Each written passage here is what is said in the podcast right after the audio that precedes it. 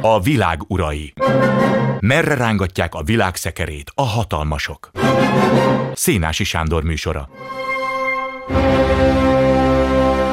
Jó estét kívánok! A ma esti vendégünk Prüle Gergely volt németországi nagykövetőnek is. Jó estét kívánok! Jó estét kívánok a hallgatóknak is! Az új német kormány terveiről fogunk beszélni. Kicsit utána néztem, na jó, a neten, ami ugye hát egy ilyen nem tekinthető egy ilyen nagyon elfogulatlan vagy pontos fölmérésnek, hogy az emberek miről mit gondolnak. De két nagyon eltérő véleményben lehet bukni, mint a világ ilyen baloldalra, meg jobboldalra oszolna mondjuk Németország megítélésében. Az egyik nyilván a jobboldali vélekedések szerint egy zöld totalitarizmus az, ami felé Németország halad, és Isten veletek németek, körülbelül ez a hangulat a dolognak.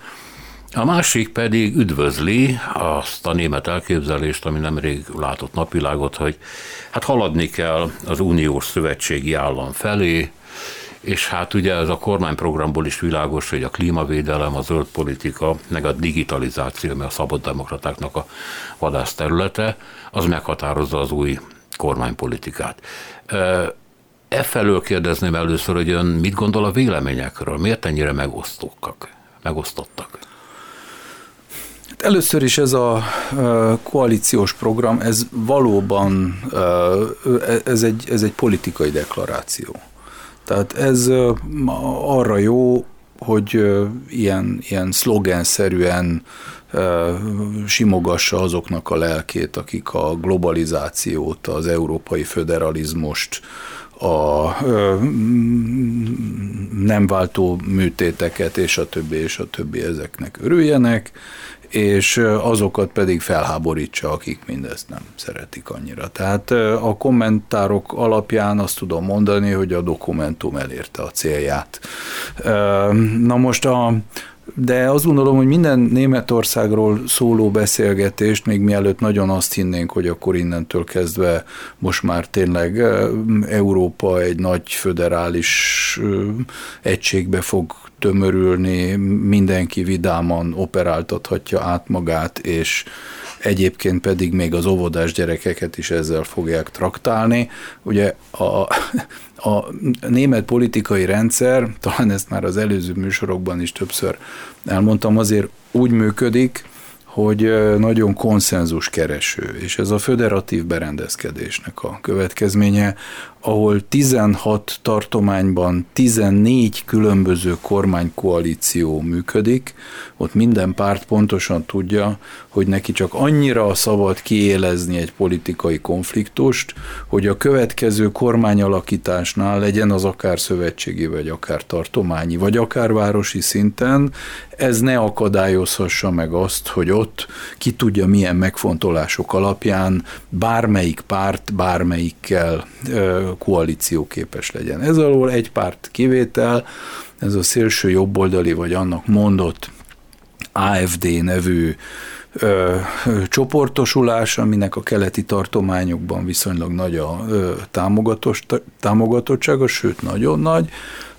Ők abszolút politikai karanténban vannak, tehát az kizárt, hogy velük bárki koalíciót kössön. No, tehát azt gondolom, hogy ezekről a, ezekről a véleményekről, hogy egy olyan világban, amikor a, a leegyszerűsítő kommunikációnak már csak a műfajok és a terjedelem, a plakativitás, a gyorsaság okán konjunktúrája van, akkor bizony ilyen sarkos vélemények születnek. Ha megnézzük, hogy a közlekedési lámpa koalíció, mert ugye sárga, zöld, piros, piros színeket mutat. Igen, piros, sárga, zöld.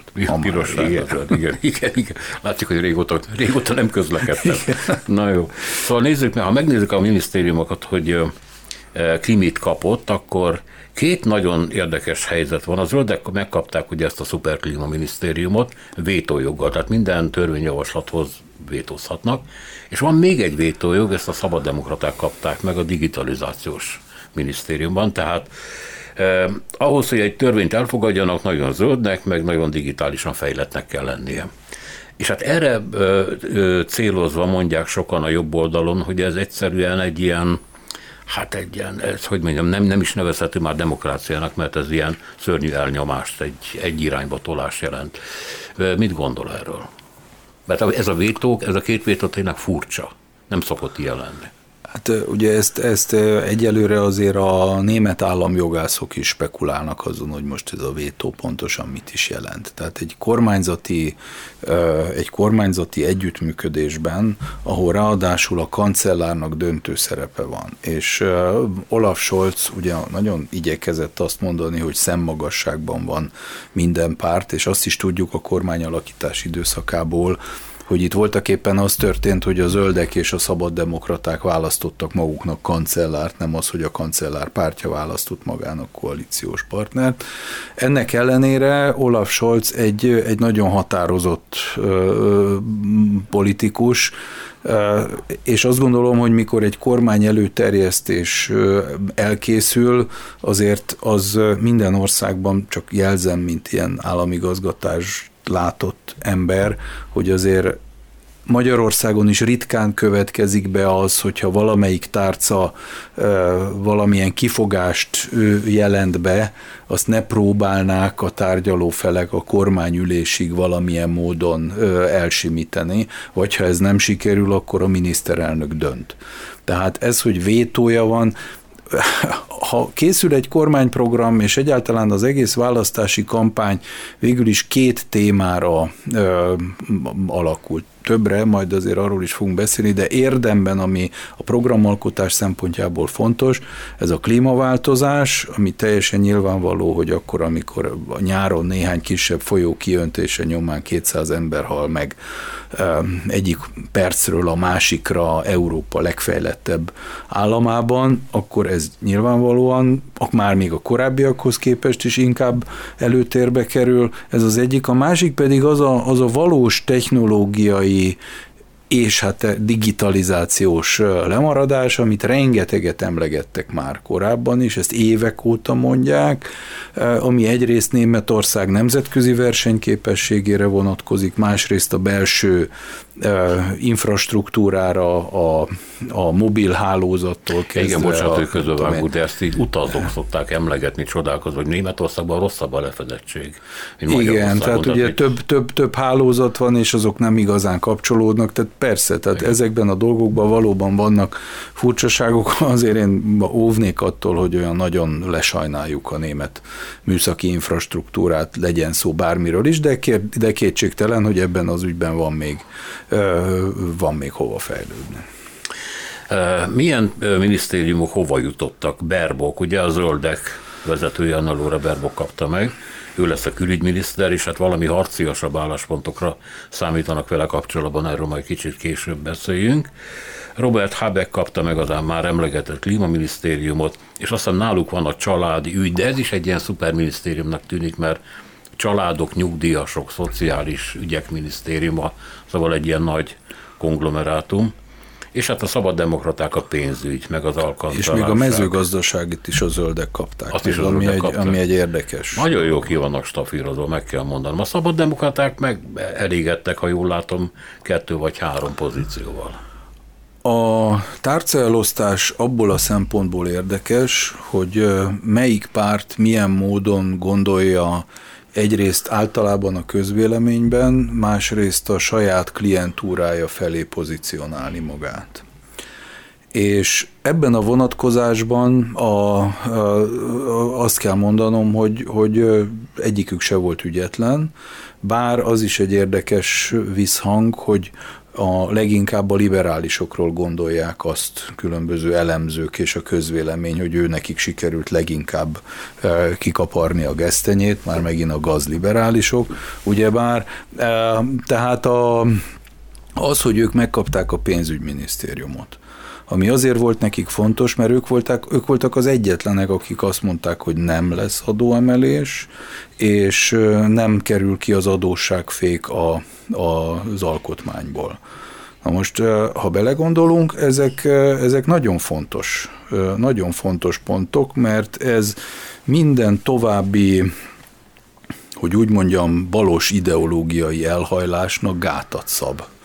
Tehát innentől nem lehet se partalanul osztogatni, se olyan ideálokat kergetni, amik úgy kerülnek súlyos költségvetési 10 milliárdokba, hogy ennek nincs meg a, a valós fedezete. Tehát ez egy nagyon jelentős dolog. A szabaddemokraták kapták meg az infrastruktúrát, közlekedést, ami a digitalizáció szempontjából, ugye hát itt beszéltünk róla, hogy lefedettség, minden egyéb vasúthálózat, ilyen dolgok, és ők kapták meg az oktatást ami azért egy olyan párt esetében, amelyik, és ez számos elemzés tárgyát képezi, amelyik a legsikeresebb volt a fiatalok között. Tehát a, az első választók, és egyáltalán ez a 18-tól 30-ig terjedő generációban a szabaddemokraták magasan verték mind a zöldeket, hiába Fridays for, for Future, és a többi, és a többi, és a szociáldemokratákat. Tehát ők nagyon jól válogattak ahhoz, hogy, és, és megkapták még a, ugye ami a, hát hogy mondjam, a német alkotmányosság, jogállamiság őre, és hagyományosan van ott szerepe a, a német ö, szabaddemokrata pártnak az igazságügyi tárcán.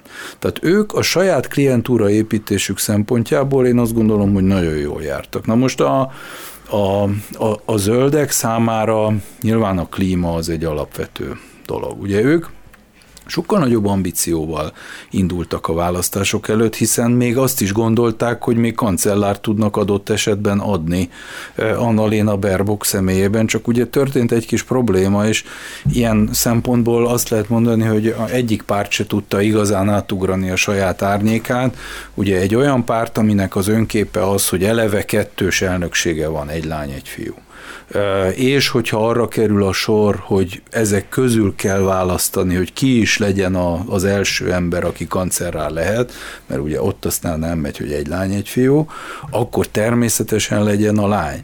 Csak hogy ennek a lánynak se kormányzati gyakorlata, se igazán megalapozott képzettsége, egy nagyon talpra esett slágfertig nő, de avval együtt árnyéka a másik a férfi jelöltnek, Robert Habeckből, akiből ugye alkancellár is lesz, van egy filozófiai doktorátusa, és emellett sikeres mezőgazdasági miniszter volt Schleswig-Holstein tartományban. Tehát ők, ők végül is a tárcaválasztásban én azt gondolom, hogy ők se jártak rosszul, hiszen a mezőgazdaság, fenntarthatóság, ez is náluk van, ez a bizonyos gazdasági és, és környezetvédelmi, illetve fogyasztóvédelmi eh, minisztérium, ez a bizonyos családügyi minisztérium, ez valóban egy nagyon összetett tárca, de hát ugye itt vannak elrejtve azok az ideológiai ö, finomságok, amik itt a bevezetőben ö, elhangzottak, a, a, hogy mondjam, a családfelfogás ö, különböző lehetséges irányaival. Úgyhogy ebben az ügyben ők is elég, elég jól jártak, és hát a külügyminisztérium, ugye említette, hogy erről majd még beszélünk, az megint csak ebből a szempontból egy a, a, a, a globalizmus jelenségeivel való szembesülés, benne a környezetvédelem, benne az emberi jogok ö, helyzete. Tehát én azt gondolom, hogy klientúra építés szempontjából ők se jártak rosszul.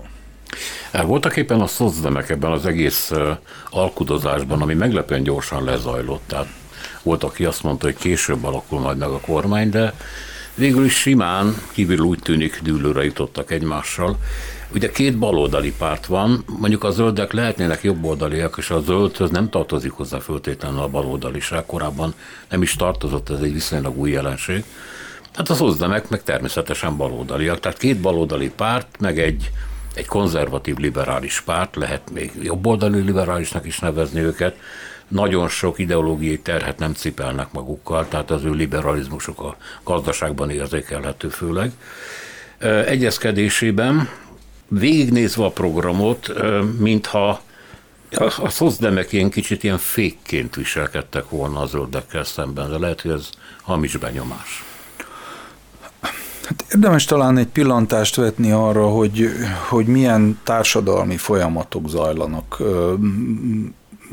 Németországban, illetve hogy hogy is jutottunk ide, hogy végül is ismétlem nem az történt, hogy a két nagy párt közül valamelyik választott volna maga mellé koalíciós partnereket, hisz ne felejtsük el, hogy az első olyan fénykép, ami a, ami a koalíciós tárgyalások megkezdését dokumentálta, az egy selfie volt, ahol a liberális és a zöld politikai vezetés beszélgetett arról, hogy voltak éppen mennyire fésülhető össze az, amit ők a világról gondolnak, és aztán arra meggyőződésre jutottak, hogy ez leginkább a szociáldemokrata kancellár vezetésével képzelhető el. Ehhez persze az is hozzátartozik, tartozik, hogy a, a CDU nagyon nyomorúságos helyzetben volt és van, bár ugye most ott december közepéig meg kell történjék ez az új elnök választás. De hát hogy lehetett volna koalíciós tárgyalásokat folytatni egy olyan pártal, amelyik éppen azon küzdik, hogy ki is legyen az ő elnöke, és amelyik egyébként a négy évvel korábbi választási eredményéhez képest 8%-kal keveset kapott. Tehát bizonyos értelemben kényszerpályán volt ez az egész, még akkor is, hogyha valóban lett volna egy matematikai lehetősége annak, hogy a kereszténydemokratákkal alakítsanak kormányt. De miért mondom mindezt? Ugye olyan még nem volt, hogy ilyen gyenge lett volna a két nagy párt ö, eredménye. Tehát az, hogy a, mind a szociáldemokraták, mind a kereszténydemokraták ilyen 23, 24, 25 százalék körül vannak, ilyen gyenge eredménnyel kancellár még soha nem lépett kormányra. Ennek emögött számos dolog van. Egyrészt az, hogy a, a a pártok programja az imént említett föderális berendezkedés nyomán az nagyon kiegyenlítődött. Tehát ugye a, a zöld elveket, azokat hogy mondjam, ezeknek Angela Merkel szinte az egyik legnagyobb zászlóvivője volt itt, hiszen az, hogy jövőre ki kell szállni az összes atom, le kell állítani az összes atomerőművet, ez az ő döntése volt. Ugyanígy az ő döntése volt az, hogy meg kell szüntetni a sorkatonaságot, ugyanígy az ő döntése volt, hogy a, meg kell emelni a minimálbért, amit egyébként most szociáldemokrata javaslatra újra megemeltek, és ugyanígy ő ment bele abba, hogy ez a bizonyos házasság mindenkinek elképzelés, tehát hogy, hogy azonos neműek is házasságot kössenek, ez ez megvalósuljék. Lássuk be, ezek nem hagyományos kereszténydemokrata uh-huh. elképzelések. Tehát a, a merkeli pragmatizmus az, az a pártok között egy ilyen a modernitásról való elképzeléseket próbálta valahogy így azonos nevezőre hozni, ami által a, a pártok karaktere az ilyen alig felismerhető módon mosódott össze. Na most ennek az a következménye, hogy, a, hogy az eredmények is nagyon kiegyenlítettek lettek, illetve hogy a választás voltak éppen a személyiségek alapján dönt el, dölt el.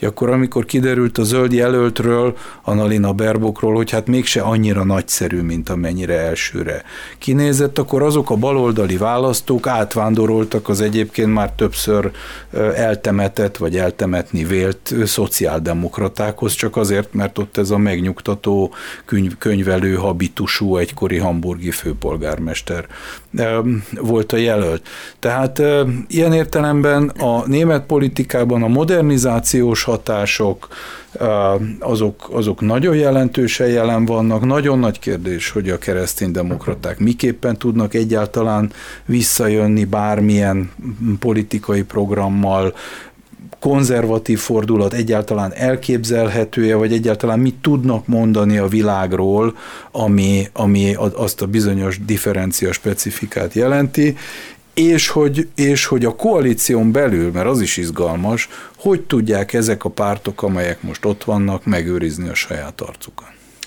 Hát, ha valaki azt mondja, és mondják is persze sokan a kommentelők, hogy Igen, igen, hát alakult a dolog, ahogy alakult, de hát ha végig gondoljuk az eddigi kancellárok sorát, azért Adenauertől kezdve egészen Merkelig, mind kiemelkedő egyéniség volt karizma, karizmával, lehet mondani. Hát azért ki ez a Scholz? És hát ki ez a Berbok, vagy ki a, ki a többi, akit megjelenik a kormányban? Hát őszintén szólva olyan nagyon nagy vonzerőt, nagyon karakteres arcét egyik sem képvisel. És akkor így az ember elgondolkodik azon, hogy, hogy oké, okay, Merkel, na de hát a Merkel, aki viszont határozott arcéllel rendelkezik, az hagyott egy olyan pártot maga után, amelyik 8%-ot bukott a korábbi eredményéhez képest. Persze azt is lehet mondani, hogy a német szavazók úgy szavaztak a CDU-ra, hogy ja, ez már a Merkel nélküli párt, akkor nem ér annyit.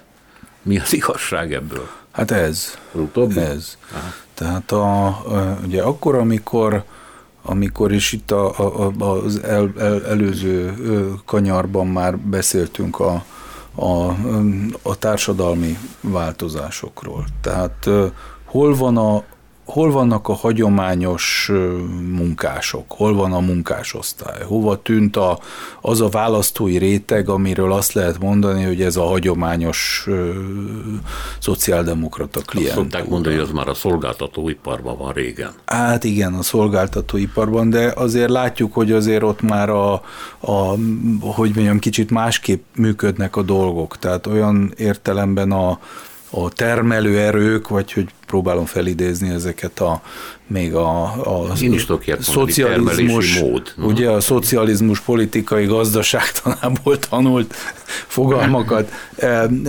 felidézni, tehát ez már egy másik világ, és ne felejtsük el, hogy a, a, a merkeli politika sikere az a Gerhard Schröder féle versenyképességi döntéseknek a következménye, amiben az előző szociáldemokrata kancellár, és pedig Gerhard Schröder belebukott.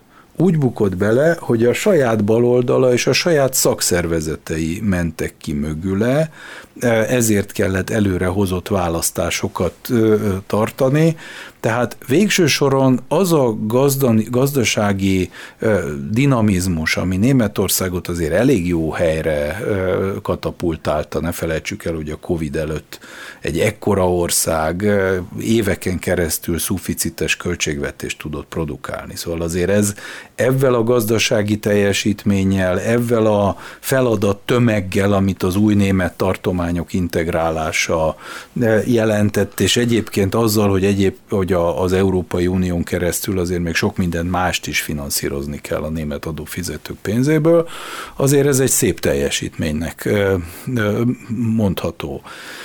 Csak hogy ennek egyébként a, a pártpolitizáláshoz vajmi kevés köze van. Tehát ebből nem lehet pártpolitikai erényt kovácsolni. Erre azt lehet mondani, hogy én megbízható módon irányítottam Németországot 16 éven keresztül, ami jót tett az országnak, Egyébként csak uh, utalok itt a, a magyar ellenzékből hallható uh, hangokra is Angéla Merkel kapcsolatban, hogy az ő pragmatizmusa miképpen tartotta óvó kezét az Európai Unió egysége fölött, bizonyos tekintetben elnézve holmi közép-kelet-európai Mármint a magyar és a lengyel. Hát igen, tehát ilyen, ilyen megmozdulásokat, vagy szertelenségeket nevezzük így, de ugyanez befelé is igaz. Tehát ez a fajta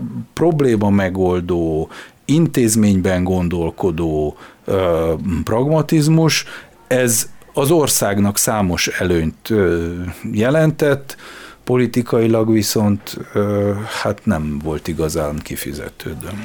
Nézzük még kicsit bele a programba, aztán majd áttérünk az Unióba, azt hiszem, hogy a hallgatóink jó része úgyis ezt várja, mert ez érinti őt. De azért vannak itt nagyon érdekes dolgok, amik így visszaköszönnek mondjuk a magyar belpolitikára, itthoni követelésekben és problémákban, hogy milyen megoldásokat találnak ki. Tehát itt van az ápolói fizetésemelkedés. Ez most látszik, hogy náluk is probléma volt ez tehát a szakszolgálatnak a meglehetősen alacsony díjazottsága. Ez a kormány ez most ne bele fog menni abban, hogy ezt megemelik. Nem emelik a nyugdíjkorhatát, viszont Említette az erőművek bezárását. Itt a szénerőműveket nem zárják be, csak 2030-ig úgy látszik ezt a szabaddemokraták elérték, hogy nem lehet ilyen pillanatnyi rögtön váltásokat elérni. Hát meg bizonyos észak-rajna-vesztfáliai szakszervezetek, azért igen, ez a csomagokat komoly érint. Azért igen, igen. igen. Lakbér plafon maradt 2019-ig, ezt kevesen tudják, hogy amikor elszabadultak a, a, a bérleti díjak, akkor a kormány nem félt belenyúlni a piaci folyamatokban, azt mondta, hogy itt most a helyzet van, hogy lépni Igen. kell, szóval ez marad. És hát építenek 400 ezer lakást, amiből 100 ezer szociális lakás, hát állami, állami finanszírozású szociális Igen, Igen. lakás. Ezek nagyon komoly dolgok. És hát az is, hogy 16 év vált a választási korhatárát. Nyilván itt a fiatalok közötti népszerűség meglovagolása. Ez a, ezek, ezek mind célok.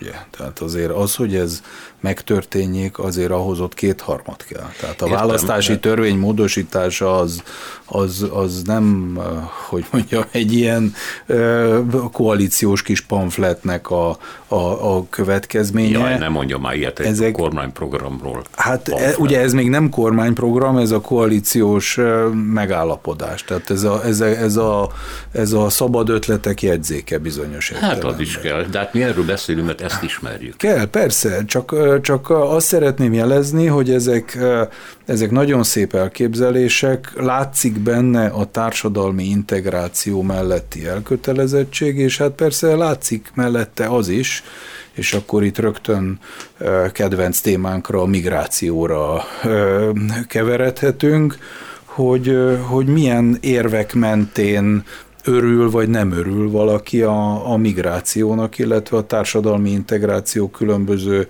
megnyilvánulásainak. Azért ne felejtsük el, hogy az előző szociáldemokrata zöld kormányzat idején az a tendencia, hogy a Németországban élő külföldieket, elsősorban törököket, német állampolgársággal ö, lássák el egy olyan helyzetben, amikor tudható, most nem emlékszem a pontos számra, de ha jól tudom, 70-30 arányban a, a törökök baloldali szavazók, és egyáltalán a bevándorlók inkább ö, zöld, szociáldemokrata, ö, elképzelésekkel, vagy, vagy szimpátiákkal. Hát úgy érzik, hogy az állam támogatására jobban rászorulnak, persze ezért szavaznak mindig balra. Hát igen, most, hogy ezt mivel magyarázzuk, világos. Tehát valamiért, valamiért oda szavaznak, és nem a, nem a keresztény demokráciát tekintik hívószónak, ami megint csak érthető másokból is. Főleg, egy igen. muszlimtól meg különösen.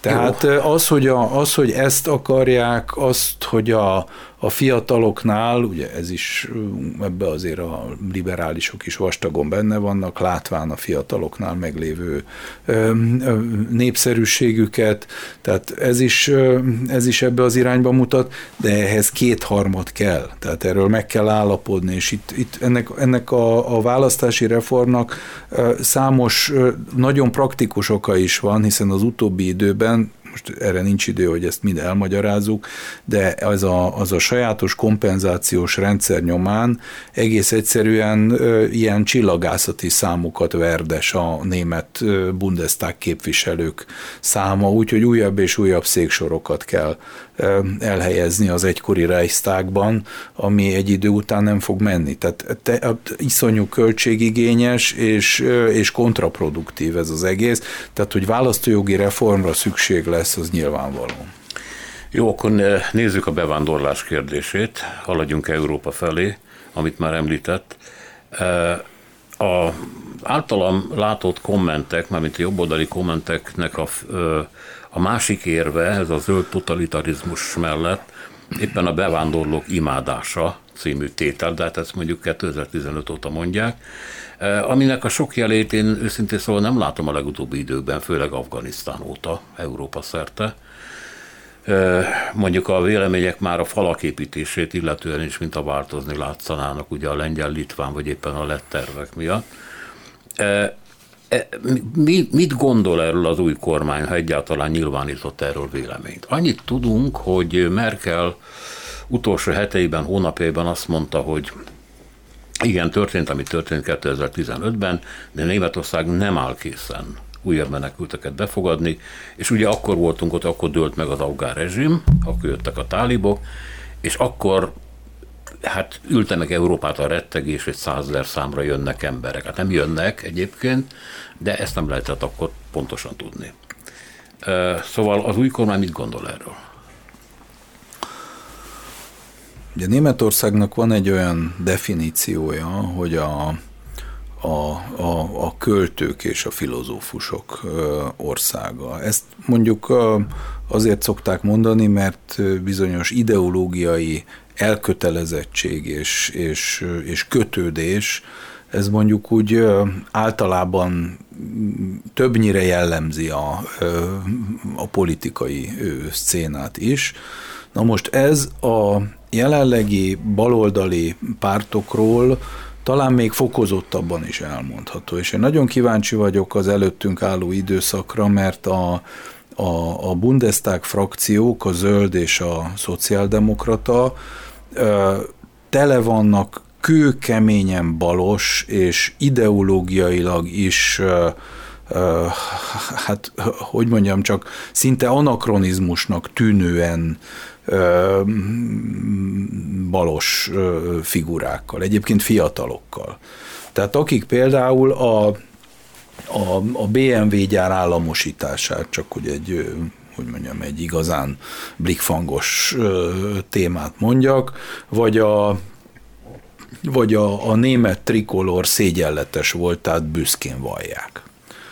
Na most hát ugye ilyen körülmények között, és ezt láttuk korábban is, és a, a, a, ha, ha most maradunk a, a bevándorlásnál, akkor ott emlékszünk a 2015-ös képekre, emlékszünk a, a, a, a konfliktusra, ami Magyarország és elsősorban Németország, de hát akkor is azért Németországon kívül még nagyon sokan szörnyülködtek a kerítés építése láttán, hallatán.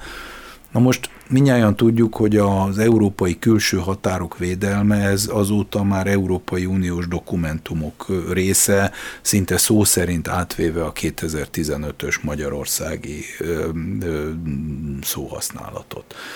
Na most a, a, a, a németeknek is azért említenék egy esetet, ami még jóval 2015 előtt volt, talán 13 vagy 14-ben. Lehet, hogy a, szerintem még a hallgatók jó része is emlékezhet rá, mert nagyon nagy ö, ö, visszhangja volt. Ez az volt, amikor egy palesztin kislány tökéletes németséggel a német közszolgálati televízió élő műsorában az ott lévő Angela Merkel kancellárnak azt mondta, hogy hát ez micsoda disznóság, hogy őt most ki fogják innen utasítani, mert hogy ő itt már mennyire otthon érzi magát. És akkor Angela Merkel szabódva azt mondta, na jó, de hát meg kell értsd, hogy nem adhatunk, nem engedhetünk be mi ide mindenkit, hát hiszen hogy fogunk nekik munkát adni. Na most az a támadás, amit akkor Angela Merkel kapott, az, az, hát az nem volt mindennapi.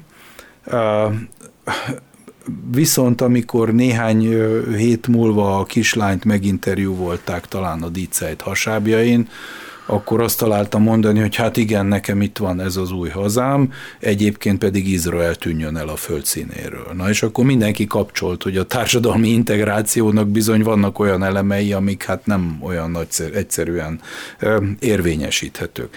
Mindegy, a, a Merkeli elképzelés a Willkommens kultúrral kapcsolatban Erről már nagyon sok elemzés született, hogy ez mennyire a, a keresztényi felebaráti szeretet, és mennyire a politikai kalkuláció ö, eredménye volt. Ezt azóta többször elmondta, hogy az a meghívás, amit ő ugye abban a közös szelfivel küldött gyakorlatilag a világ összes ö, migránsának, hogy az egy teljesen elhibázott ö, lépés volt.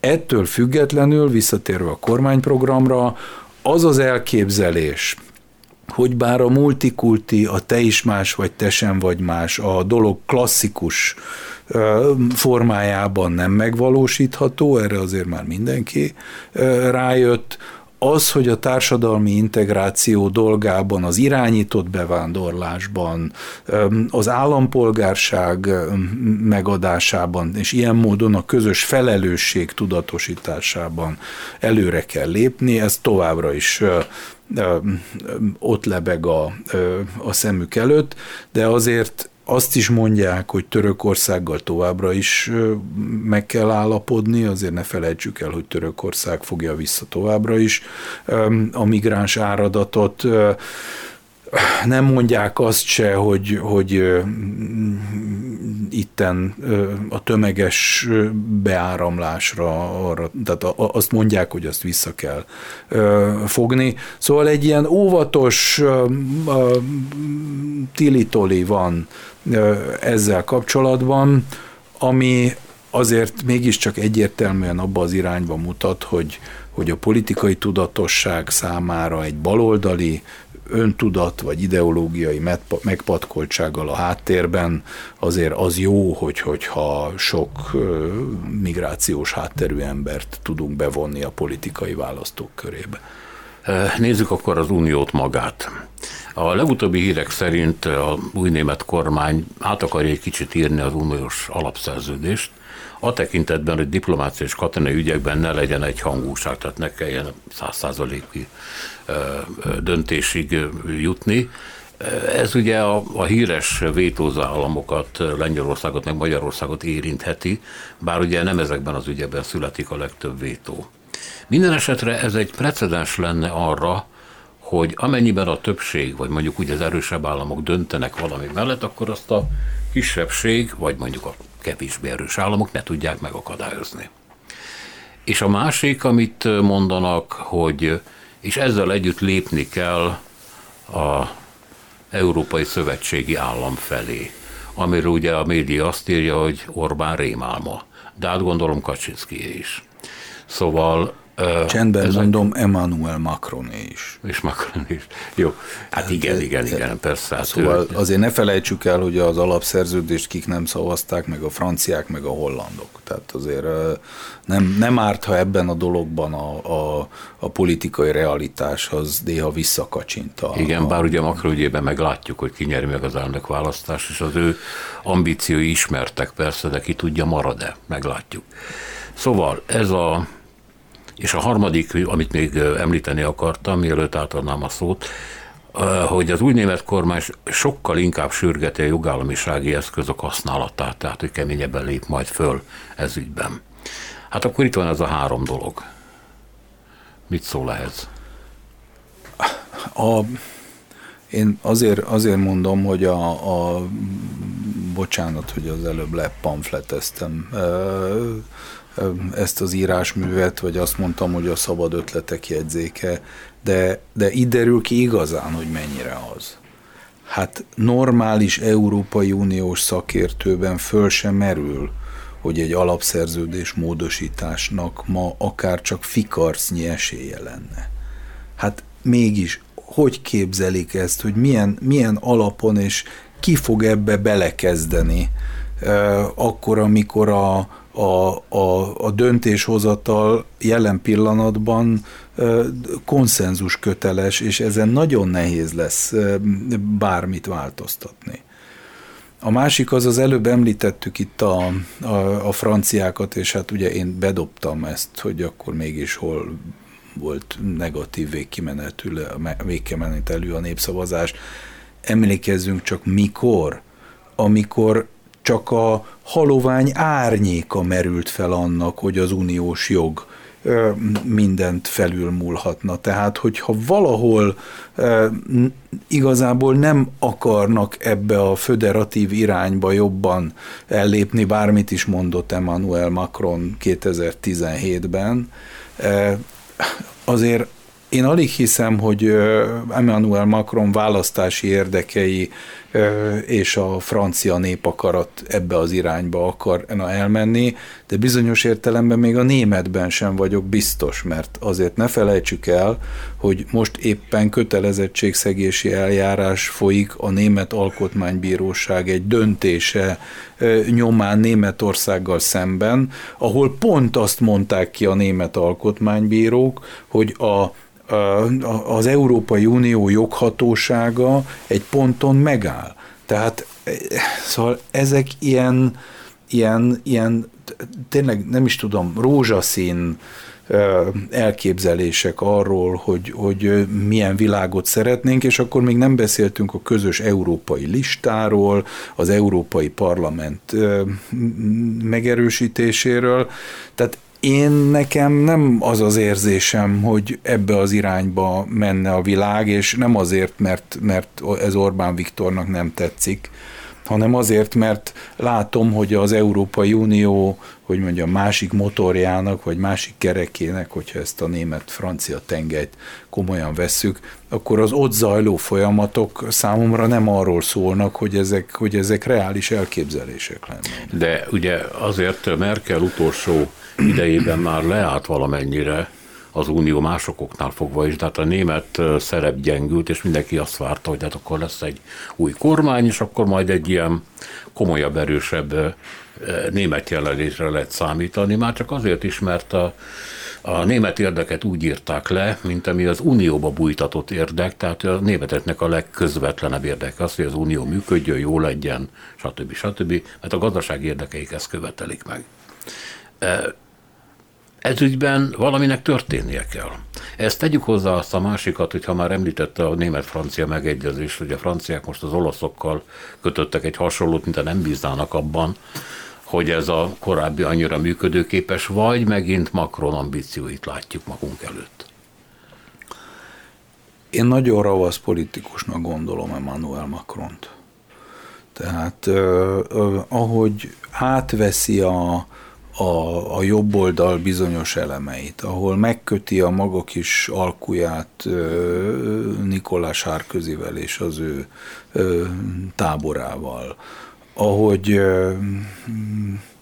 adott esetben azokkal is örömmel tárgyal itt a visegrádi országokra gondolok, akikről pedig nehezen állítható, hogy látványosan az ő gondolatvilágát képviselnék. Bár azért azt is tegyük hozzá, hogy, hogy azt Franciaországban sem tagadja Emmanuel Macron, hogy, hogy, hogy Orbán Viktorral ő egy nagyon komoly ilyen intellektuális eszmecserében van folyamatosan a világ és Európa jövőjéről.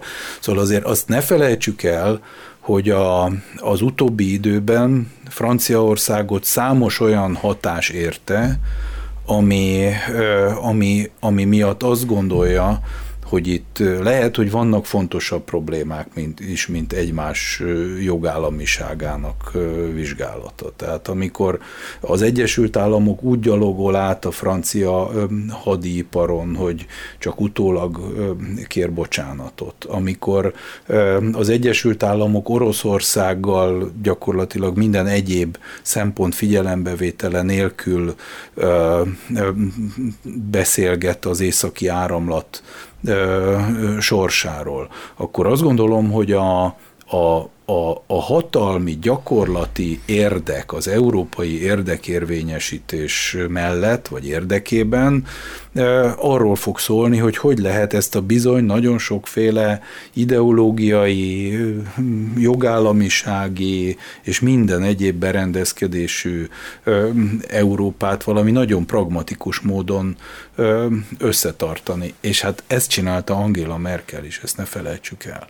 Így állapodott meg Kínával, mi mindent kapott, azért gondoljunk csak bele az Egyesült Államoktól, meg a, a, a baloldali emberjogi ihletésű európai elittől. Megállapodott velük, meg befektetésvédelmi egyezményt. Most mit kapott Angela Merkel, hogy fölhívta Lukasenkát? Tehát a, a reálpolitika az olyan brutális erővel jelenik meg a mai világpolitikában és az európai politikában is, hogy ott a, a, a költők és filozófusok országának gyermekei bizony nehéz helyzetben vannak, amikor az ő eszmei elkötelezettségüket kell érvényesíteni. Hát meg az jutott eszembe egyébként, amikor fölhívta Lukasenkát, hogy, hogy itt látszik, hogy a merkeli politikának vége és nem is használható.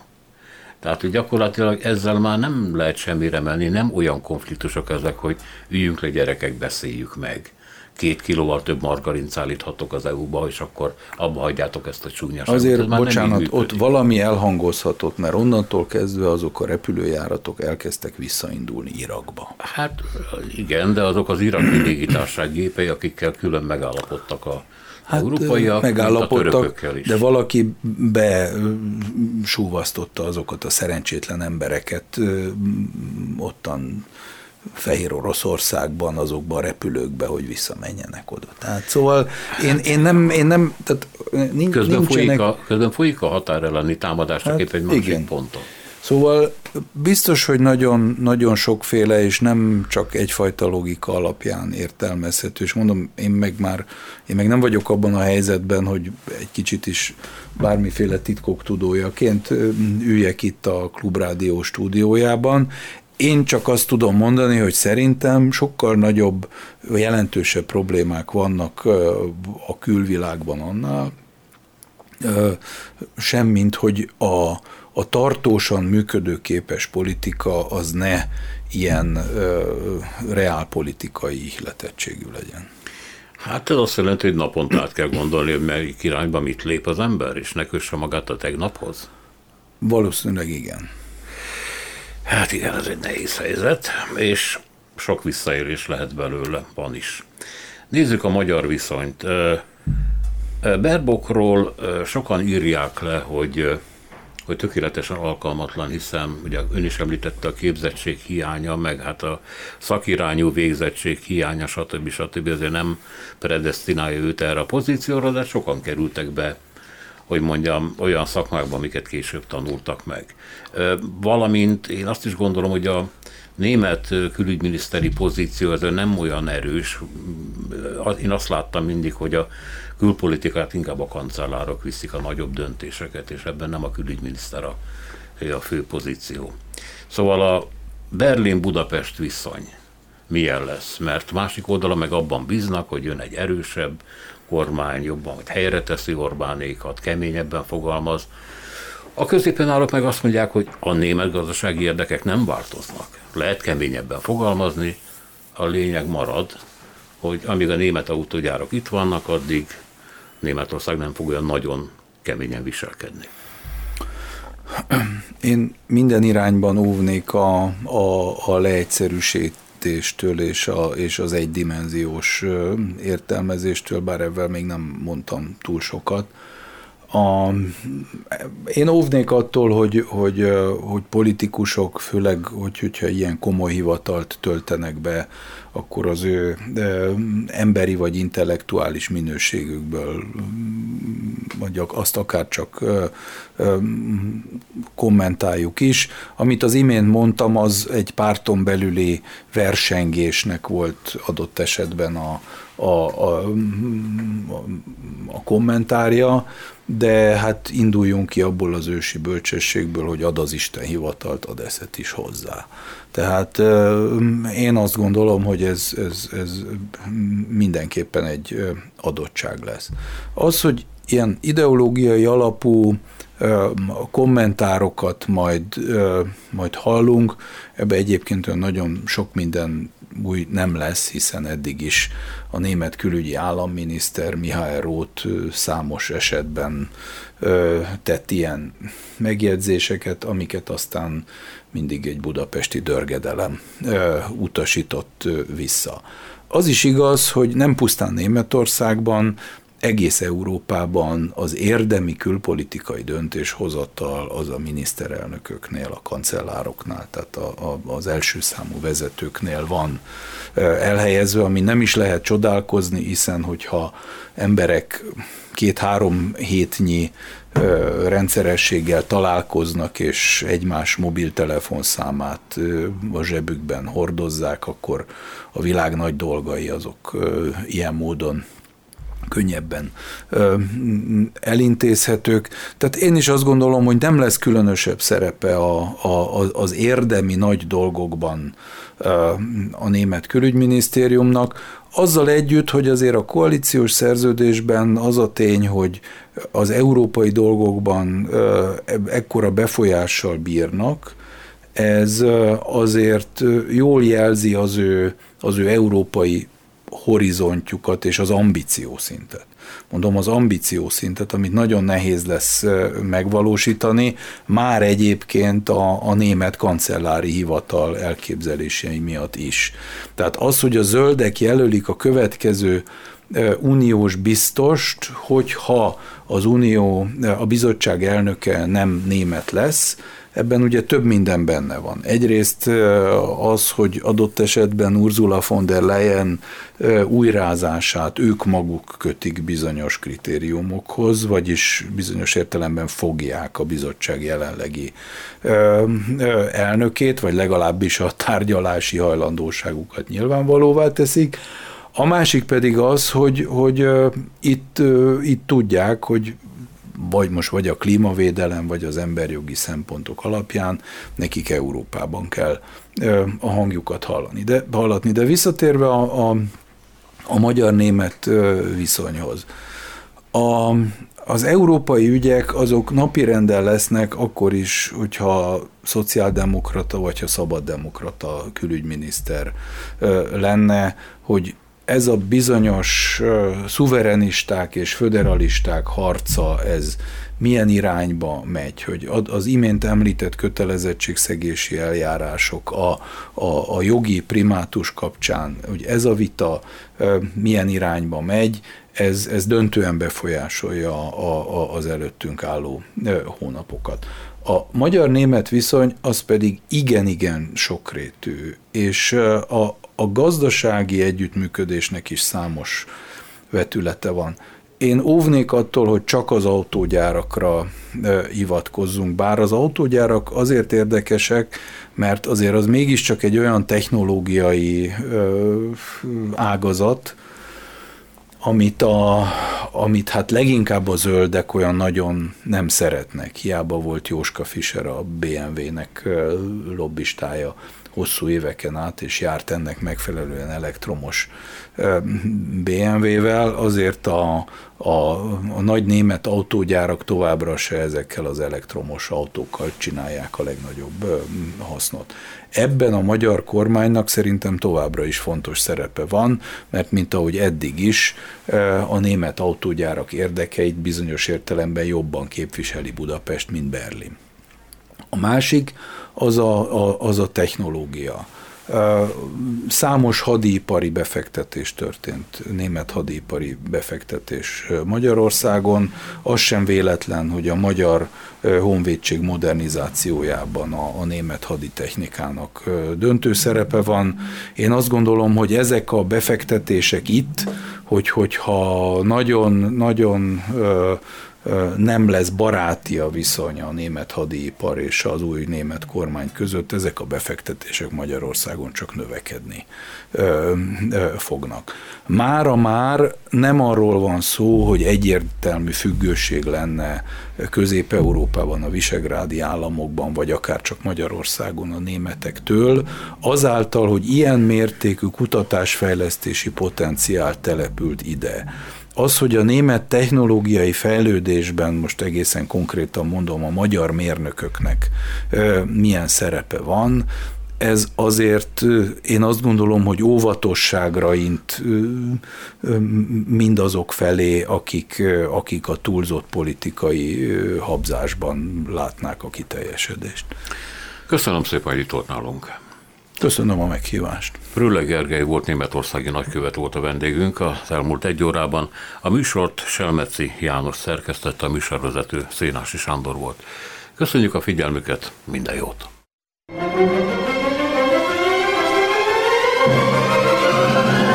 A Világ Urai című műsorunkat és Szénási Sándor műsorvezetőt hallották. thank you